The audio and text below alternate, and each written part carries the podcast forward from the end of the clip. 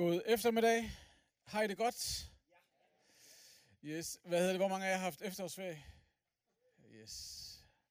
Det har jeg nemlig også. Øhm, og øh, jeg har faktisk brugt noget af den her i Aarhus. Og øh, jeg må sige en ting til jer, der bor i Aarhus. Det, I ser altså virkelig godt ud. Altså, det er en lille smule intimiderende at komme fra Aalborg, øh, og så komme herned, og komme ned sydpå, fordi I ser hamrende godt ud. Øh, da jeg gik rundt i Aarhus, øh, da jeg var på ferie, fordi jeg har været på ferie her i Aarhus sammen med mine to piger og min kone, altså min kone skulle arbejde, så hun arbejder her i Aarhus, så, så mig og mine piger, vi gik ligesom rundt, og jeg gik rundt og tænkte, hold fast, hvor ser Aarhusianere godt ud. Øhm, og øhm, så, så da jeg skulle herned, så var det sådan en lille smule, jeg sagde til Inge, øh, hvad, øh, hvad skal jeg tage på? Fordi, altså, Aarhusianere ser hammerne godt ud. Og, øh, og så mødte jeg faktisk en, øh, som engang har boet i Aalborg, da jeg lige kom her ind, ind her. Øh, og så sagde han, øh, vi snakkede lidt, lidt om tøjstil, om hvordan at man kan være lige så ung og smart og hipster som Aarhusianer. Og så sagde han, du bliver nødt til at købe nogle fløjelsbukser. Øh, og, øh, og det her, det er ikke løgn. For tre dage siden sagde jeg til Inge, min kone, jeg køber ikke fløjelsbukser igen. Fordi hun havde lige købt nogen. Jeg havde nogen, da jeg gik i gymnasiet. Jeg havde nogen for 15 år siden. Jeg gør det ikke igen. Øh, men I er smukke. Og øh, jeg er helt vildt fan af både jer, Aarhus generelt, øh, men også jeres præster, Anna og Simon og Martin. Og hvis jeg skulle vælge en kirke at komme i her i Aarhus, ud fra præsterne, så var det klart her. Øhm, og jeg kender faktisk de fleste præster i Aarhus. Øhm, så det var klart her, jeg vil komme. Så jeg synes bare, at du skal sige tillykke med, til dig selv, for at du har valgt kirken med de bedste præster. Øh, I ved det godt, ja. Og øh, så bare, det skal I altså virkelig, det, der er I altså heldige. Der har I taget et godt valg der. Øh, men øh, jeg er som sagt fra Aalborg og gift med Inge, og vi har to piger, øh, Selma og Elinor. Og øh, det er jo så den anden ting, jeg har fundet ud af om Aarhus. Efter nu, altså, der er en del aarhusianere, og det er ikke så meget Vineyard, der har jeg fundet ud af, at man er ikke så optaget af fodbold. Men Aarhus generelt er jo optaget af fodbold. Og øh, man kan jo læse forskellige artikler. Jeg læste lige op på AGF her for et par dage siden. Og, øh, og AGF, jeg ved ikke engang, altså der stod 2-2 i pausen mellem AGF og Silkeborg. Jeg ved ikke, er der nogen, der ved, hvad der står nu? 3-3. Så det bliver det lidt, det bliver lidt øh, det mellem for noget gudstjeneste. Øh, men vi håber på, at de vinder, så jeg vil bare gerne bede en bøn her til at starte med. Gud, jeg takker dig, fordi at vi kan være sammen den her eftermiddag. Tak fordi, at vi kan være i forventning til, hvad du gør midt i blandt os. Og tak fordi, at AGF må score et sidste mål, så de kan vinde. Amen. Så skulle den være på plads. Øh, dag skal vi tale om at leve med Helligånden, leve med ånden.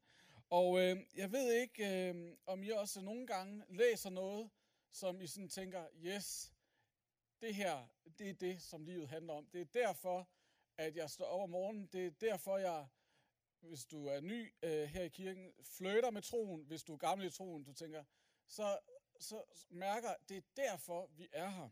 Og for en del år siden, øh, så læste jeg en, øh, en bog af en øh, fransk øh, filosof og teolog. Øh, og øh, der, hvad hedder det, og der var et citat i den bog, som jeg ligesom tog fat i, og ligesom gemte hos mig. Fordi jeg tænkte, det her, det, det er det, det handler om. Og så her for nogle uger siden, så dukkede det her citat op igen på en eller anden Facebook-side. Og så kom jeg ligesom lige i kontakt med igen, hvad livet dybest set handler om. Eller hvad det at være kirke handler om. Øhm, og øhm, citatet er sådan her. Det var aldrig meningen, at kristne skulle være normale. Vi har altid været hellige ballademager. Vi har altid bragt usikkerhed og agiteret for en dimension, der er uforenelig med status quo. Vi accepterer ikke bare verden, som den er, men vi insisterer på, at verden må blive, som Gud vil det, og Guds rige er ganske anderledes end denne verdens orden. Okay? Ja, tak for det, fordi, hallo, er det ikke, altså når man lige mærker ordene, så tænker man, yes, det er derfor, det er det, det handler om. Jeg skal være en del af det der. Jeg skal være en hellig ballademager. Og det er det, det er det, jeg er her for. Øhm, sådan kan jeg i hvert fald godt nogle gange have det. Jeg tænker, yes, hellig ballade med jer, det er det, jeg gerne vil være. Øh, tænk en gang, at jeg tror og følger efter Jesus, som har startet en bevægelse af hellige ballademager. Jeg tænker, det må da være det, den vildeste bevægelse at være en del af, at vi er en bevægelse af hellige ballademager, der udfordrer øh, tingenes orden. Vi accepterer ikke status quo. Altså, er det ikke... Altså, prøv at give den side med en high five, fordi det er der. Og sige, vi er hellige ballademager, fordi det er simpelthen... Øh, og, øh, og det og det bliver faktisk næsten endnu vildere, fordi at øh, jeg, øh, der er en øh, vineyardpræst, der hedder Alan Scott, og han siger det lidt på en anden måde, men næsten lige så godt øh, som den franske filosof. Vi er jo i Aarhus, så det er, der er jo mange studerende, så det er vigtigt lige at have sine ting på plads. Øh, men der er også en vineyardpræst, og han siger det sådan her. Guds drøm for dit liv er ikke, at du bliver troende og bliver frivillig i kirken. Guds drøm for dig er, at du kommer til live i hans nærvær, og bringer liv og håb i et hvert miljø, som du møder. Så det er rent nok, at vi har brug for folk i børnekirken.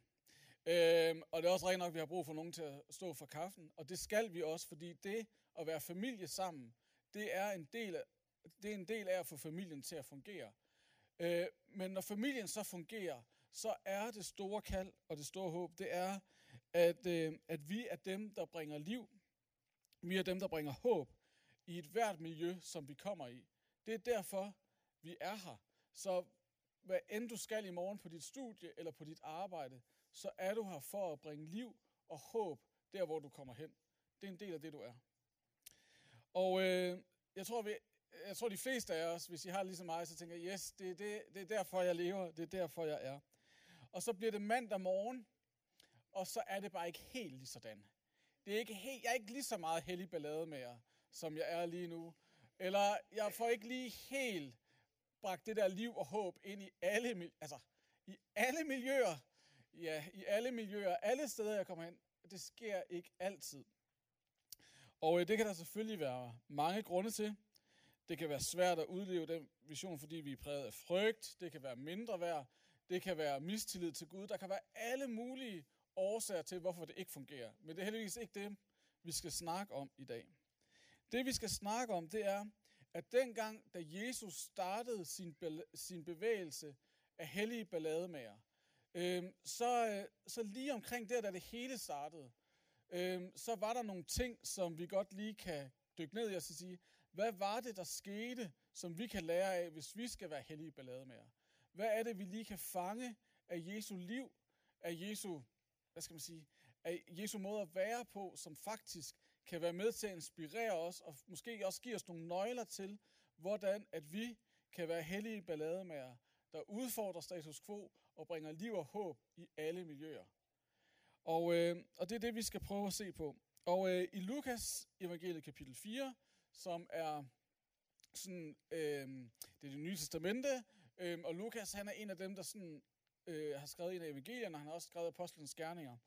Og, øh, og da han ligesom sådan skal beskrive bevægelsens start, hvordan det hele startede, øhm, så er der nogle vers her, hvor der står, Jesus vendte tilbage fra Jordan, fyldt af Helligånden, og ført af ånden øh, var han ude i ørkenen. Og øh, så er der en masse, så står der en masse ting om ørkenen, og så efter han havde været i ørkenen, så står der sådan her, og Jesus vendte i åndens kraft tilbage til Galilea, og rygtet om ham spredtes over hele egnen. Og noget af det, der lige er vigtigt at lægge mærke til, øh, her, det er, at det her med ånden bliver nævnt tre gange i samme kapitel. Og øh, det, som man skal vide, lidt kontekst, det er, at for jøderne, når de ligesom nævner flere ting på kort tid, altså de samme ting på kort tid, så er det fordi, det er vigtigt. Så når, når det bliver nævnt tre gange, det, kan, det er sådan en lille fif, når I læser Bibelen. Hvis der er nogle ting, der bliver nævnt flere gange på samme side, så er det fordi, det er vigtigt. Øh, fordi at, at man havde en fortælletradition, hvor at man understregede de vigtige ting ved at gentage de samme ord flere gange. Så når der står ånden tre gange, så er det fordi, der er noget vigtigt omkring ånden, vi skal fange. Øhm, og så noget andet, som også er vigtigt, som øh, hvis, nu har vi ikke læst hele sådan, beskrivelsen her, men men det, som øh, Lukas han forsøger at beskrive her, er noget, som de fleste jøder godt, de kendte godt jødernes historie. Måske der er der nogle af jer, der kender den. I er jo meget kloge. Øh, men, men jeg ved ikke, om I kan huske Lukas evangeliet, hvordan det starter. Øh, men, men det, der sker i Lukas evangeliet, det er, at efter Jesus han bliver født, og vi kender alle sammen, eller de fleste af os kender juleevangeliet, så står der beskrevet, hvordan at hans familie må flygte til Ægypten, og så efter Ægypten, så bliver han døbt i noget vand, han bliver ført igennem en flod, der hedder Jordan, øh, og så derfra så bliver han ført ud i ørkenen, og øh, så er det som om, det lige pludselig minder om historie, som de fleste jøder godt kender, nemlig historien om den store befrielse, hvor at jøderne blev ført ud af fangenskab i Ægypten, gennem det røde hav, det ved, I ved, det der, der skiller sig ad, og så ud i ørkenen, og så ind i det, som det hele handler om. Så det, som Lukas han forsøger at sætte scenen til her, det er, at der er øh, en ny frihedshistorie. Der er en ny historie på spil. Der er noget nyt, der skal til at ske. Og ikke nok med det, fordi han så nævner ånden tre gange, så for de fleste, altså for de fleste jøder, så kendte de Toraen, altså de fem første bøger i Bibelen, lige så godt som vi kender Nick og Jays bagkatalog. Øh, øh, boing, boing. Og øh, bare lige for at se, ja, der er fleste af jer kender godt den. Øh, og så en kirke. Nå, men øh, hvad er det? det? De ved, at første gang, at ånden bliver nævnt, det er i skabelsesberetningen, hvor at ånden svævede over, vand, over jorden. Og, øh, og på den måde, så, øh, så, så er det ikke bare en ny frihedshistorie, det er en ny skabelseshistorie. Der er noget nyt, der, der er noget helt nyt, der er på vej til at begynde. Der er noget helt nyt på spil, som vi på en eller anden måde skal fange og blive en del af. Så det er noget helt vildt, som, øh, som, som Lukas beskriver, Jesus er i gang med at gøre. Det er noget helt nyt. Og jeg kender ikke øh, din historie. Jeg kender ikke, øh, hvor det er, du kommer fra. Men det at træde ind i bevægelsen af hellige ballademager, det er som at starte på en ny. Det er, at du får en ny start, at der er noget nyt, der er på vej. Der er en ny skabelse. Du bliver en ny skabning, når du møder Guds forvandlende kærlighed. Og øh, så er der så ligesom tre forskellige aspekter af ånden, og det er sådan set det, som jeg hurtigt skal dykke ned i. Jeg skal sige, jeg har faktisk holdt den her prædiken i Aalborg Vineyard, øh, og der, den blev alt for lang. Øh, og øh, jeg kørte herned sammen med Claus og Hanne, som også er fra Aalborg Vineyard, og øh, vi blev enige om, at den skal skæres til. Øh, og, øh, og jeg skal nok sørge for, at vi går hurtigt igennem, sådan så I også kan komme hjem og se fodbold, eller hvad I nu skal. Øhm, så der er ligesom tre dimensioner af ånden, vi lige skal fange. Og øh, det første, der står om Jesus, det er, at han bliver fyldt af ånden. Og det næste, der står, det er, at han bliver ført af ånden. Og det sidste er, at han går i åndens kraft. Og vi skal prøve at se på de her tre dimensioner, og se, hvad det er, vi skal fange, fordi at der er forskellige sider af Helligånden, som vi på en eller anden måde skal opdage. Og jeg ved godt, at det kan være en lille smule ambivalent at tale om Helligånden og ånden i det hele taget, fordi at vi kan have alle mulige forskellige historier og erfaringer med det der med ånden. Øhm, og øh, jeg er, øh, ej, det vil jeg slet ikke sige, hvor gammel jeg er, øh, men jeg har levet mange år, og øh, jeg har mødt forskellige kristne grupperinger og forskellige kirkeretninger, der har meget forskellige forhold til ånden. Og jeg har selv også været en del af mange forskellige sammenhænge, hvor man forholder sig på forskellige måder til ånden. Og øh, den ene fløj er jo, at alt, hvad der handler om ånd og følelser og øh, løfte hænder og helbredelser og profetiske ord, det er ren sværmeri. Altså det er, altså så har man nærmest mistet alt, øh, hvis man ligesom går den vej. Øh, så det der med at tale om heligånden, kan være, at det næsten er ikke eksisterende. Øh, jeg kan huske fra min egen barndom, at øh, der var sådan en øh, gammel søndagsskole. Jeg skal sige, jeg er opvokset i en kristen familie, og jeg har gået i kirke hele mit liv, og jeg, jeg trænger også til en masse forbøn for det. Øh, men, men jeg kan huske, øh, der var en, øh, jeg havde en gammel søndagsskolelærer, der hed Karl Åge, Og øh, Karl Åge, han var, tilhørte så meget den fløj der. Øh, og, øh, og Karl Åge, han sagde på et tidspunkt til os, hvis nu, og jeg, min far var faktisk præst, og jeg burde nok lige have sagt det til min far bagefter, men det har jeg så aldrig gjort. Men jeg kan huske, at vi sad en gang og skulle tale om et af Jesu mirakler, og så sagde han, og den slags, det sker ikke mere. Øhm, og så sagde han, og hvis der er nogen, der påstår, at det sker, så gå væk. øhm, og, øhm, og sådan kan der måske godt være nogen, der jeg ved ikke, om der er nogen af jer, der var vokset op så ekstremt. Det var så også kun kan Karl Ove. Øhm, øh, på et tidspunkt blev han faktisk fyret i søndagsskolen. Jeg ved ikke, om det handler om det. Nå, men, øhm, men det er ligesom, det er sådan den ene fløj, man kan have det sådan. Øhm, og så kan der også være en helt anden fløj, fløj hvor man sådan overåndelig, altså hvor man næsten altså gør det lidt for meget. Alt er bare noget med Guds ånd. Altså alt, altså når vi kører ind øh, på en parkeringsplads, Gud, hvis du virkelig er med mig i dag, så er der en parkeringsplads til mig. Øh, eller, kender I det? Og nogle gange kan det jo godt være Gud, det skal jeg lige sige. Men men øh, altså, det er ikke altid jo, at Gud er med i, om der er en parkeringsplads eller ej. Så er det bare, fordi man kørte hjemmefra for, i for dårlig tid. Øh, fordi at der er mange folk, der... Øh, det skete for mig her den anden dag, hvor at jeg var afsted, og, øh, og, min, og min datter sagde til mig, far, kan vi ikke bede om, at der kommer en parkeringsplads? Og så sagde jeg til Selma, ved du hvad, Selma, vi kommer afsted i for dårlig tid, fordi du ikke gad at tage sko på. Øh, så måske, kunne, det er ikke sikkert, at Gud på den måde. Øh, men, men Gud har givet mig en god idé om, hvor vi kan parkere ulovligt. Øh, så det gjorde vi. Men man kan godt være i miljøer, hvor alt handler om Guds ånd, og om Gud nu er med os eller ej, og det kan blive meget sådan...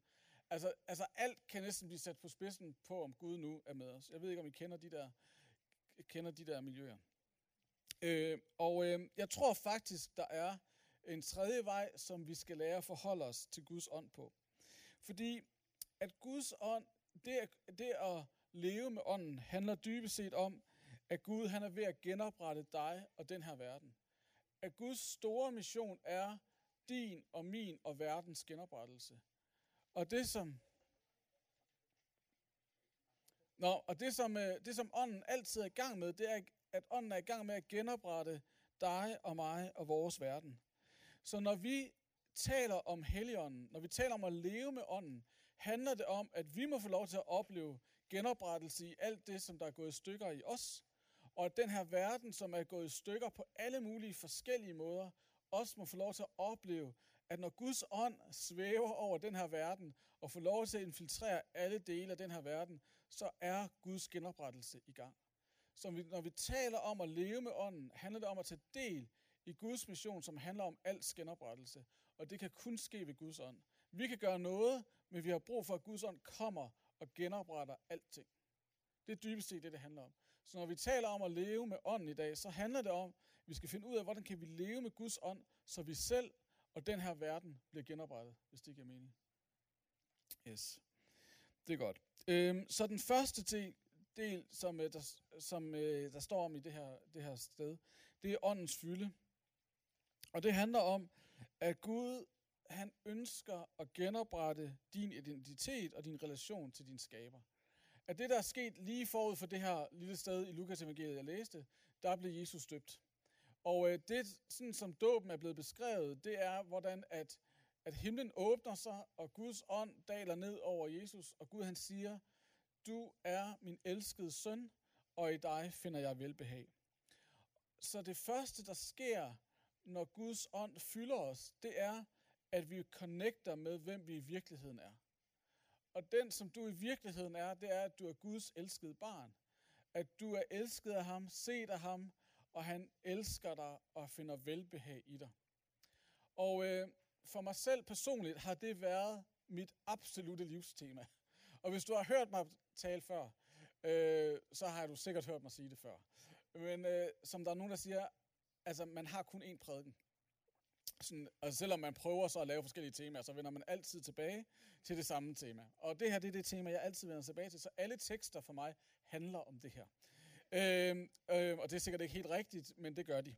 Øh, men så, så det første, der sker, det er, at vi lever i en verden, Og du lever i en verden, øh, hvor at vi altid får at vide, at vi skal gøre os fortjent til Guds kærlighed. Vi skal på en eller anden måde leve op til nogle bestemte krav og alt det der.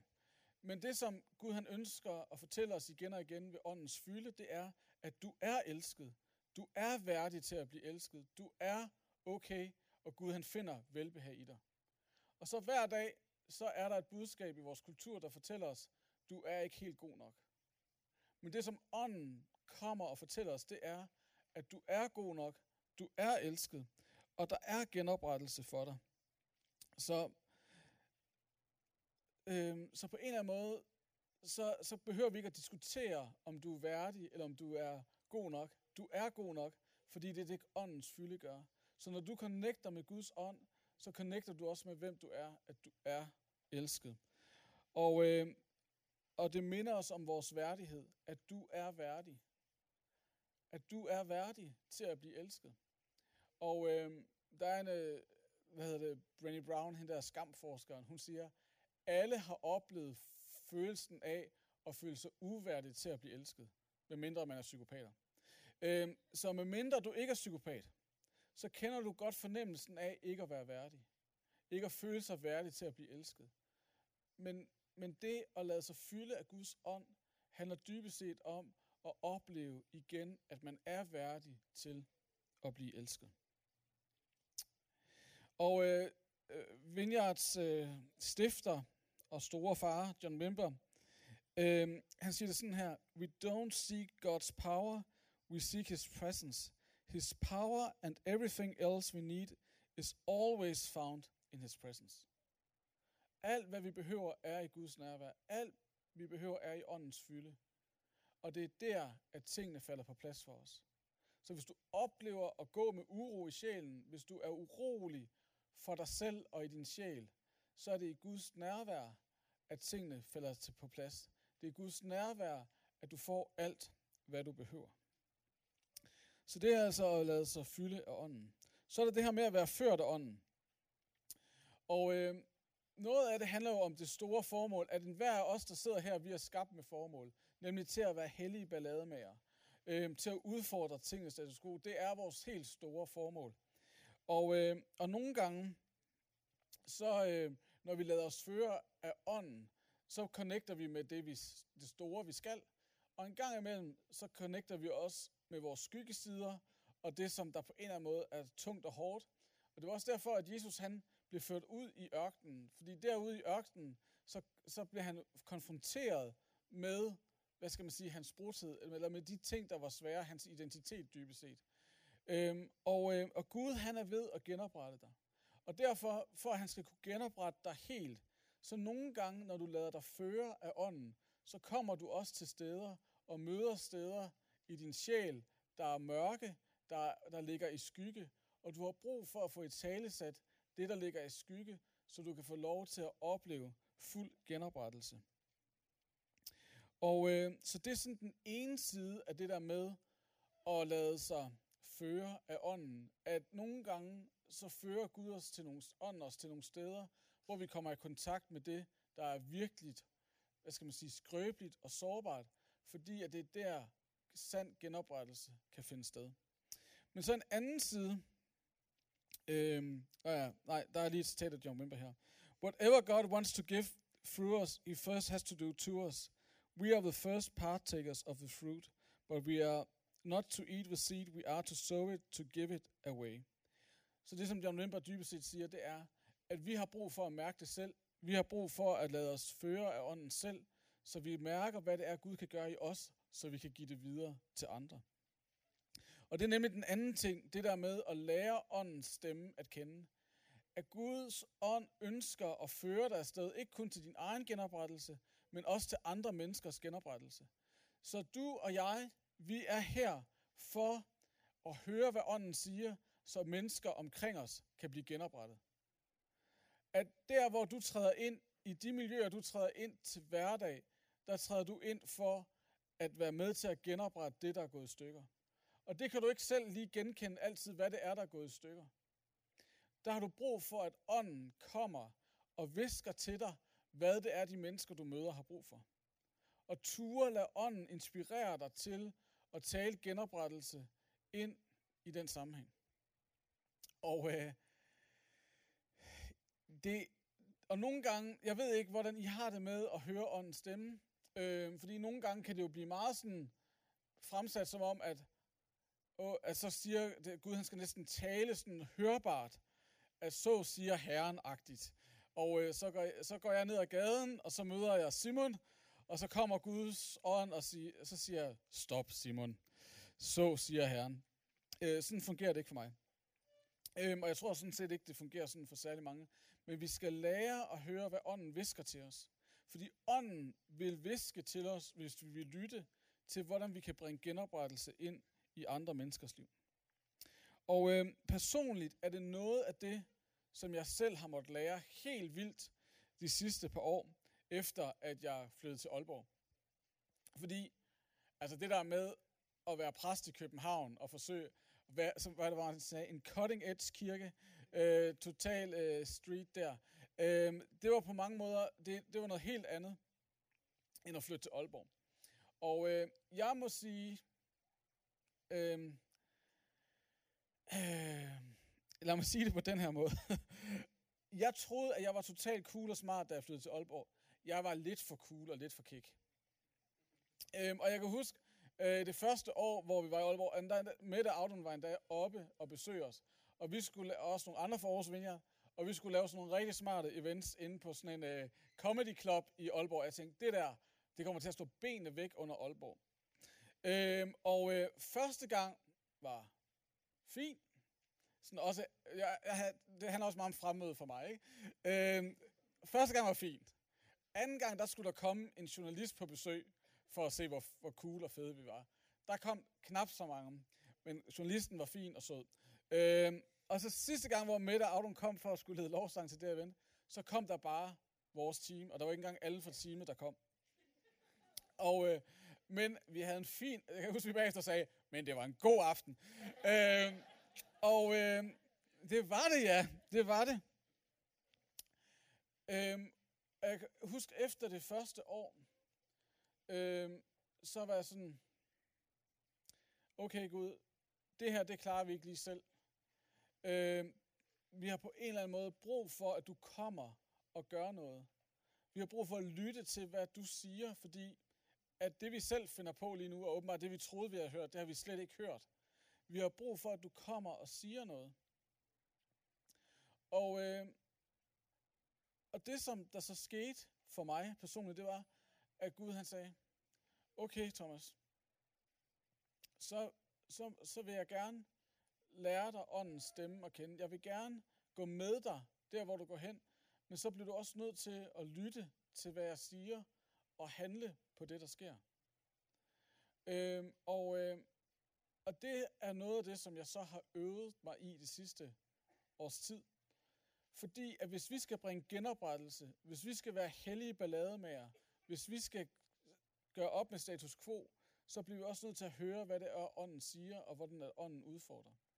Øhm, og, øhm, og en af de måder, som jeg har lært det her på, det er øhm, ved, at, øhm, at Gud han sagde, hvis du lytter til mig, så, øhm, så taler jeg, og så skal du bare gøre det, jeg siger. Øhm, og øh, det første, der skete, efter jeg ligesom har haft den samtale med Gud, det var, at næste dag, så skulle jeg ud og løbe en tur. Og, øh, og så sagde Gud, nu er jeg her, nu taler jeg til dig. Og det, øh, det var dejligt. Øh, men så sagde Gud, lige om lidt, så kommer der et par gående, og dem har jeg et ord til. Og det er dig, der skal sige det til dem. Og så var jeg sådan, øh, det tror jeg ikke. Øh, men så efter 500 meter, så kom der et par gående. Og øh, så sagde Gud, det er dem der. Og, øh, og det du skal sige til dem, det er, at, at, at øh, de har mistet noget meget dyrebart. Men at jeg ser deres sorg, og jeg ser deres smerte, øh, og jeg skal nok være med dem. Og øh, jeg bor op, vi bor op af, jeg var, jeg var på vej op ad en bakke i Aalborg, der ligesom i Aarhus mange bakker, og jeg var virkelig, virkelig svedig og meget, meget forpustet. Og øh, så der, øh, da jeg, da jeg møder dem, så, så stopper jeg op, og så, så siger jeg, Okay, jeg ved godt, det her det er virkelig mærkeligt, og jeg er meget svedig lige nu. Men, øh, men det som... Jeg, jamen, jeg er faktisk kristen, og jeg tror faktisk, at Gud har fortalt mig, at I lige har mistet noget meget dyrebart, men at Gud ser jer sorg og smerte, og at han er med jer. Og øh, lige da jeg sagt det, så fik øh, hende der konen tårer i øjnene, og manden var sådan, wow, vi har lige fået at vide, at min kone var gravid, og, øh, og hjertelyden er stoppet, eller der er ikke nogen hjertelyd mere, så vi har lige mistet det barn, vi har drømt om. Øhm, og så fik jeg lov til at bede øh, en bøn for dem, og det var fuldstændig jo amazing. Øhm, og, øh, og det sidste år har der været, særligt på min løbetur, har der været dit af en eller anden grund, øhm, har der været, hvor Gud sagde, der har jeg et ord. Men det, som det har lært mig, og, og jeg øver mig, fordi der har også været en enkelt gang, øh, øh, hvor at jeg stoppede op, og så sagde, hey, jeg har et ord til dig. Det var, så, det var en mand, der kom gående, og sagde, jeg har et ord, og det var sådan et meget specifikt ord, øh, om noget med hans ryg, og han havde rygsmerter. Og så sagde han, nej. Øh, og, øh, og så, så var jeg sådan, åh ja, okay, fair nok. Øh, så løb jeg videre. Øh, og, øh, og så var der ikke nogen, der døde, og der var heller ikke nogen, der... Der, var ikke, der skete ikke noget. Og det tror jeg, det er en god deal øh, at sige, hvis jeg hører fra Gud, hvis, der, hvis det nu ikke er rigtigt, er der nogen, der dør, eller er der nogen, der kommer til skade ved det? Og hvis der ikke er det, så synes jeg bare, at man skal prøve det. Øh, fordi at vi skal lære at høre åndens stemme at kende. Men det, som Bibelen fortæller os, det er, at ånden vil hjælpe os til menneskers genoprettelse. Så lad os høre åndens stemme at kende, og lad os prøve at gå i det, så vi kan være med til at bringe genoprettelse til mennesker. Fordi at hvis det ikke er os, der gør det, hvem skal det så være? Hvis det ikke er os, der skal bringe genoprettelse ind i venners liv, ind i families liv, ind i netværksliv, hvem er det så? Øhm, yes. Og den sidste hænger lidt sammen med at høre, det her med at være ført ånden, det handler nemlig om at gå i åndens kraft. Øhm, og det handler dybest set om, at nogle gange, øhm, så, øhm, så har vi brug for, at der kommer genoprettelse, både fysisk og psykisk, Øh, heling, der er genoprettelse af brudte sådan, systemer i verden. Det har vi også brug for, at Guds kraft, han, Guds kraft kommer og gør noget ved. Og vi har virkelig brug for åndens kraft, så andre får en åbenbaring af Kristus. Så de får lov til at opleve åndens fylde, så de får lov til at opleve, at her sker der noget. Så det, som jeg bare vil konkludere med, det er, at hvis vi skal være hellige ballademager, hvis vi skal udfordre tingenes status quo, så har vi brug for at blive fyldt af ånden. Vi har brug for at vide, hvem vi er, at vi er hellige ballademager. Bum. Og vi, nej, vi er ikke bare hellige ballademager, vi er elskede hellige ballademager. Det er dem, vi er. Vi er elsket, og vi er hellige ballademager, der skal udfordres tingenes øh, status quo her i den her verden. Og så samtidig så lever vi med, med, med Guds ånd, som visker til os, som fører os afsted, og som hjælper os der, hvor vi er. Og så har vi også en kraft, vi har en autoritet, fordi at Guds ånd er med os, så der er noget, som vi kan bringe liv ind.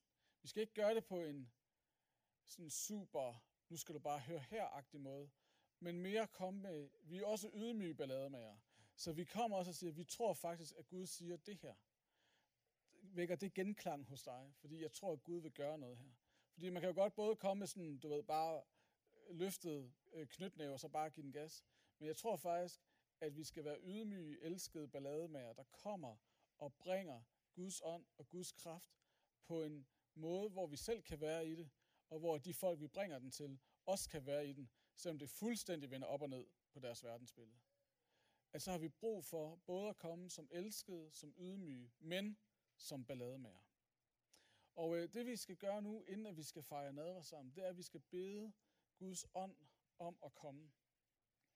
Øh, vi skal bede Helligånden om at komme og fylde os. Vi skal bede Helligånden om at komme og tale til os, føre os. Vi skal, be, vi skal høre hans stemme i vores ånd, i vores sjæl, i vores hjerte, i vores tanker, sådan så vi kan gøre det, som han kalder os til. Øhm, og øh, hvis I er med på det, øh, så gør vi det på sådan en totalt øh, gammelt old school vineyard-stil.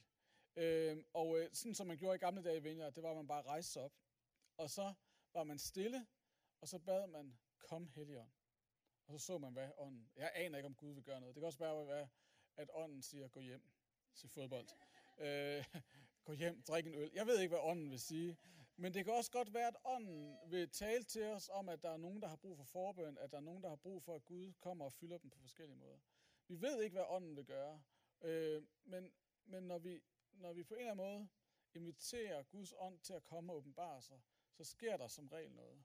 Og det er det, vi kan være i forventning til. Og hvis du bare tænker, okay, det der, det er alt for weird. Øh, det der, det, okay, det må de der mærkelige kristne godt bare gøre. Så er det også okay. Øh, men hvis du gerne vil udfordre dig selv og leve livet lidt på kanten, øh, så, øh, så kunne det jo være, at ånden faktisk vil komme og overraske dig. Men det er også okay, at du bare bliver siddende. Men, men øh, til dem af jer, som tænker, yes, lad os se, hvad ånden vil gøre, så jeg bare inviterer jer til at rejse jer op nu. Og så beder vi Guds ånd om at komme.